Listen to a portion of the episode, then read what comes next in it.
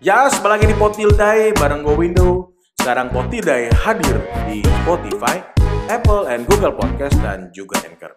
Pada edisi kali ini, gue mau bahas soal saham lagi nih guys. Jadi yang percintaan tar dulu ya, minggir dulu nih. Pembicaraan soal saham mau lewat. Kenapa? Karena banyak sokap-sokap yang ngirimin email ke Gmail gue. Katanya, kak, kak, kak, tolong dong bahas soal saham. Tapi yang basicnya dulu nih karena sebenarnya gue sudah punya uh, edisi terkait strategi cuan saham nih di edisi 21 bareng suhu bos Rian dan suhu bos Eko. Tapi mungkin itu udah pada apa ya untuk para investor-investor yang udah lama main ataupun yang sedang main ya. Jadi memang itu tingkatannya mungkin lebih ke menengah ke expert lah ya. Kalau ini benar-benar kita mau bahas soal yang basic dulu deh supaya para pemula nih, para pemula investor ataupun generasi milenial yang baru mulai mengerti basic-basic soal saham. Ada tiga poin yang gua highlight pada edisi kali ini. Yang pertama, teman-teman harus ngerti namanya apa itu perusahaan sekuritas dan RDN. Poin kedua, kita harus tetapin yang namanya tujuan investasi kita tuh mau ke mana. Yang terakhir itu indikator pergerakan saham. Ya, udah siap? Oke, cus kita mulai nih. Yang poin yang pertama, kita mau bahas tadi soal perusahaan sekuritas dan RDN. Kita tahu lah ya, eh, saham itu diperdagangkan di bursa-bursa. Nah, bursa-bursa ini diperdagangkan di seluruh dunia dan namanya nih. Kalau pasar saham di Indo namanya IHSG, Indeks Harga Saham Gabungan. Kalau di US gimana kak? Namanya Dow Jones. Kalau di Jepang namanya Nikkei dan seterusnya. Jadi jangan bingung kalau kita ngomongin eh IHSG ini lagi naik apalagi turun nih minusnya berapa persen. Itu berarti pasar saham secara nasional di Indo tuh lagi naik atau lagi, lagi turun ya. Oke, tadi gua ngomongin perusahaan sekuritas. Perusahaan sekuritas itu sebenarnya adalah wadah atau tempat kita kayak perbankan lah ya. Kita ketika kita mau mulai investasi saham harus punya perusahaan sekuritas sebagai moda transportasi kita nih sebagai alat kita untuk melakukan investasi. Bursa sekuritas ini biasanya melaunching aplikasi-aplikasi yang sudah ada di Apple ataupun Android gadget kalian masing-masing. Bahkan udah ada versi PC-nya juga nih kalau para trader-trader nih ya. Ya sebagai contoh aja nih ya, disclaimer gue nggak di oleh siapa pun, gue cuma cantumin yang kira-kira uh, sering didengar sama para sokap-sokap ya. Yang pertama misalnya kayak Mirai Sekuritas, ada Host Mobile aplikasinya, kemudian ada Ajaib Sekuritas, aplikasinya Ajaib, Indo Premier dengan iPodnya, dan juga ada BC Sekuritas dengan Base Mobile, dan lain-lain ya. Nanti kalian tinggal uh, pilih perusahaan sekuritas yang kira-kira cocok buat para sokap-sokap sekalian. Kalau udah pilih perusahaan sekuritasnya, pasti nanti perusahaan sekuritas itu kan bekerja sama dengan bank-bank yang ada di Indo. Nah, kalian nanti harus membuka yang namanya rekening dana nasabah atau RDN. Dulu dikenal namanya RDI, rekening dana investor. Gak usah pusing, eh, nggak usah ribet, perusahaan sekuritasnya lu tunjuk dulu yang mana, nanti dibukakan langsung otomatis oleh perusahaan sekuritas tersebut. Nah, nanti tinggal pilih bank-bank mana aja nih yang bekerja sama dengan perusahaan sekuritas yang kalian pilih. Oke? Nah, tujuannya apa sih adanya RDN? Tentunya tujuannya adalah rekening dana nasabah ini sebagai tempat penampungan dana kita Nanti kalau sudah dibukakan jangan lupa top up ataupun transfer dana kita ke rekening penampungan yang sudah tadi dibuatkan oleh perusahaan sekuritas yaitu RDN kita. Nah sedikit tips dan trik dari gue adalah begini. Ketika kita e, memilih suatu perusahaan sekuritas, ya juga bisa tanya dulu nih atau bisa searching searching soal fee jual beli sahamnya itu berapa persen sih? Ya pastinya perusahaan sekuritas akan mengenakan fee ketika kita melakukan aktivitas jual dan beli saham. You guys, monggo saja dicari-cari mana yang kasih price ataupun harga yang kompetitif menurut kalian gitu ya. Dan yang kedua, jangan lupa dipilih perusahaan sekuritas yang aplikasinya tentu saja mudah diakses, jadi easy access dan tentunya stabilitas koneksinya juga stabil dong ya Jangan sampai ketika lagi peak hour nih pengen pengen jual beli tiba-tiba ngeheng, tiba-tiba nge-lag, harganya nggak update, wah pada komplain dan akhirnya pada marah-marah sendiri. Jangan ya. Jadi mendingan kita analisa dari depan. Ditanya lagi dong, gimana caranya kan belum buka sah, belum buka uh, apa tuh perusahaan sekuritas. Coba deh kalian coba cek di review aplikasi yang ada di Apple Play Store, uh, Apple ataupun di Android ya, di Google Play Store ataupun di iOS ya di Apple Apple Store. Nah, kalian pilih-pilih deh tuh ya, dibaca review mana yang bagus, mana yang kurang baik dan sebagainya kalian baca nanti kalian baru tentukan pilihan perusahaan sekuritas yang mau dibuka rekeningnya. Nah, kita mau move forward ke poin yang kedua. Tadi gue udah bilang di awal, teman-teman atau para sokap-sokap jangan lupa tujuan investasinya itu buat apa. Tentunya namanya investasi di saham itu pasti akan mau mendapatkan keuntungan dong, mau dapetnya cuan, jangan lupa. Nah, kalau mendapatkan cuan, itu kalian mesti pilih dulu nih, tentuin di awal. Kalian itu mau buat trading, swing trading, atau investasi. Ya, gue langsung ngomong lah ya, investasinya untuk jangka panjang.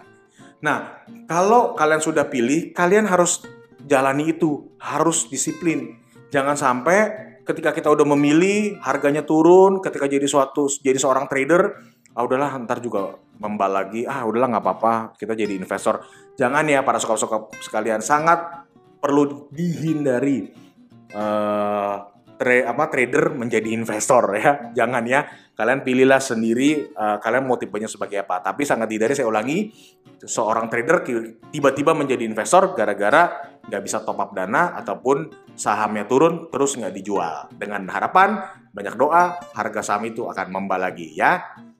Oke, kalau trading yang tadi sebagai yang tadi gue bilang, yang pertama adalah trading. Yang trading itu tentunya kalau gue sendiri bisa day trading, bisa juga di ada jangka waktunya itu 1 sampai 3 hari. Jadi teman-teman suit yourself mau yang mana, tapi jangan lupa perhatikan area cut loss Anda, teman-teman. Targetnya ya, target target cut loss dan target profit taking.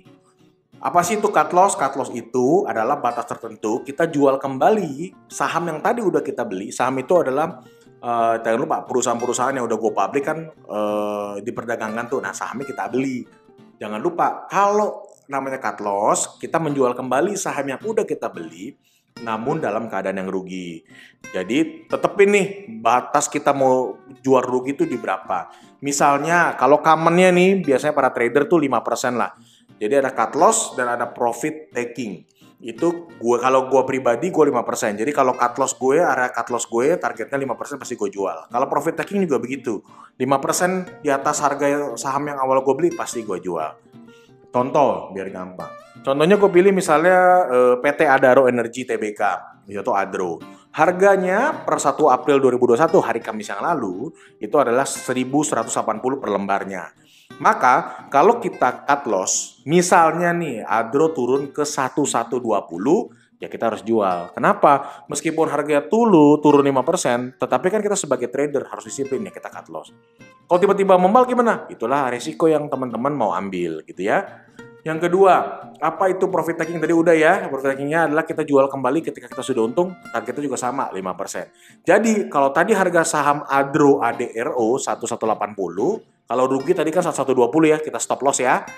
Ini adalah kita jual ketika mencapai harga 1240, jadi 1240 ya kita jual. Kalau naik lagi gimana? Ya nggak ada apa-apa. Namanya kan trading, jadi kita harus disiplin. Ya siapa tahu nanti turun lagi kita bisa ambil lagi. Atau kalau kalau kalian teman-teman analisa bisa naik lagi, ya ambil aja. Karena kan jangan lupa kalian pasti harus sudah bisa mengenal perusahaannya jangan bingung nanti sudah beli saham perusahaannya teman-teman pada bingung nih para sokap-sokap kalian perusahaan apa yang gue beli nih? Gitu ya. Jangan sampai cuma ikut-ikutan jangan. Hindari ya para sokap-sokap sekalian. Nah tadi kita udah ngomongin seorang trader kalau day trading ataupun 1 sampai tiga hari trading gimana. Nah sekarang gue mau bahas soal swing trading. Nah kalau swing trading kita atau gue nih itu biasanya pegang atau hold suatu saham yang udah dibeli ya minimal tujuh hari lah ya. Namanya kan nge-swing ya, jadi nggak terlalu cepat, nggak terlalu lama. Kita bisa lihat biasanya swing trading ini kalau misalnya kita nggak ada waktu, ya kita cuma uh, cari cuan-cuan yang cepet tapi uh, oke okay lah ya. Nah kita boleh pakai jadi swing trading. Yang terakhir yang namanya investasi. Tadi investasi yang gue bilang adalah jangka panjang. Kenapa? Kalau jangka panjang buat gue adalah definisinya adalah di atas 6 bulan deh ya. Kenapa? Ya kita kan nggak butuh duit-duit amat, tetapi kita mengharapkan suatu keuntungan dari suatu pembelian saham gitu ya. Nah, biasanya nih para investor kamarnya tuh pada beli yang namanya LQ45. LQ45 itu apa sih? Yaitu 45 emiten ataupun perusahaan yang tadi, yang go public, yang diperdagangkan lembar sahamnya di ISG yang liquid. Jadi namanya LQ45. Jadi ada 45 perusahaan yang dinyatakan ataupun di-announce liquid di HSG oleh Bursa Efek Indonesia atau BEI. Nah, kalian coba cek-cek aja tuh ke aplikasi eh, ke webnya ya. LQ45 diterbitkan secara periodik. Ya, takutnya berubah, nanti teman-teman pada bingung gitu ya. Nah, biasanya juga yang LQ45 ini uh, dipilih karena ya udahlah, gue mau pilih sama apa lagi nih, kan buat liquid jangka waktunya lebih dari enam bulan, bisa setahun, bisa dua tahun. Jangan sampai dibeli yang nggak liquid, totonya ada apa-apa, ada ada usaha kepailitan ataupun delisting, ya kan? Gawat itu para sokap-sokap sekalian, ya. Jangan lupa. Nah, yang di investing ini sebenarnya itu tadi kan lebih dari enam bulan. Nah, ada juga di dunia permodalan saham-saham begini dikenal namanya value investing. Ya kalau di luar negeri namanya Warren Buffett lah ya. Bapak WB itu kan dikenal sebagai value investing. Nah, kalau di Indo oleh Pak LKH, Lock and Hong ya. Nah, saham-saham untuk yang value investing ini adalah saham-saham yang dianalisa. Kalau dari secara harga di pasar itu masih murah jika dibandingkan dengan book value-nya. Dengan harapan tentunya tadi ya di atas 3 sampai 5 tahun ke depan tentunya harganya bisa menyamai ataupun melebihi book value ya. Jadi para sokap-sokap tentuin dulu nih tadi mau di trading, swing trading atau di investor atau investasi ya. Oke, poin yang terakhir yang gue mau bahas adalah soal indikator saham. Tentunya pergerakan saham yang tadi lu yang tadi gue dijelasin bahwa pergerakan indikator saham sebenarnya bisa kita analisa. Nah, tentunya kalau tadi di awal gue udah sebutin tujuan kalian tuh investasi saham itu buat apa sih gitu ya yaitu buat mendapatkan keuntungan. Keuntungan bisa dapat di pasar saham, bisa didapatkan dengan dua cara, yaitu capital gain, yaitu kenaikan harga saham yang pada saat lo beli dan pada saat akan lo jual, dan tentunya juga pembagian dividen. Nanya dong, dividen itu apa mas bro? Dividen itu adalah perusahaan membagikan keuntungan atau labanya atas kinerja yang telah dicapai pada suatu tahun tertentu. Biasanya nih, perusahaan yang membagikan dividen itu memiliki return of equity atau ROE yang baik. Ya, kisarannya nanti kalian bisa lihat ya laporan keuangannya di mana di websitenya yang bersangkutan kan ada annual report. Jadi salah satu eh, apa tuh ketentuan di regulator suatu perusahaan publik harus mendisclose ataupun mengumumkan laporan keuangannya di websitenya ataupun di koran ataupun di nanti di aplikasi-aplikasi perusahaan sekuritas juga bisa lu baca deh ya kinerja keuangannya. ROE-nya tadi yaitu kisarannya 15 sampai 20%. Ya, berarti dia kinerja cukup bagus nih return on equity-nya dalam equity-nya gitu ya. Oke.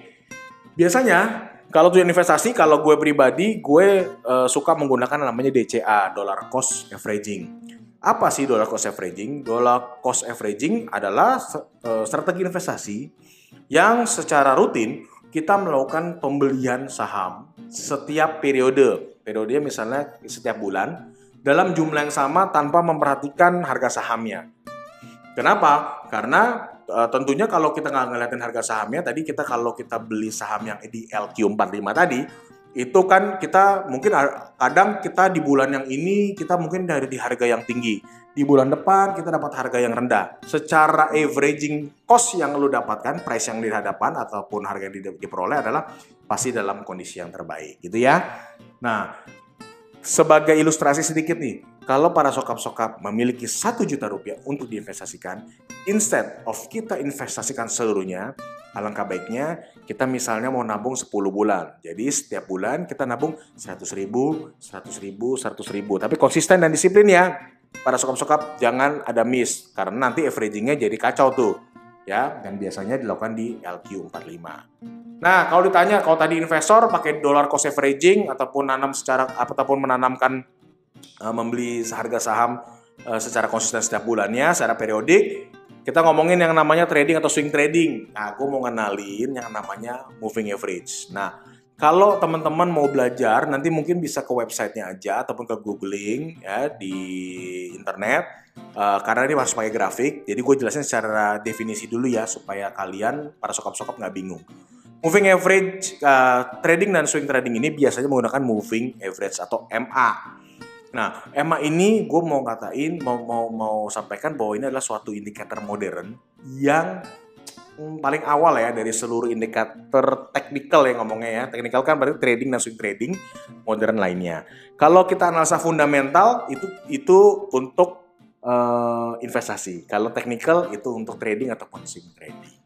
Nah, basicnya adalah apa sih untuk moving average ini adalah rata-rata harga dalam beberapa hari yang ke belakang sehingga akan dihasilkan suatu rata-rata harga terakhir dan tentunya dapat memberikan tren harga saham tertentu.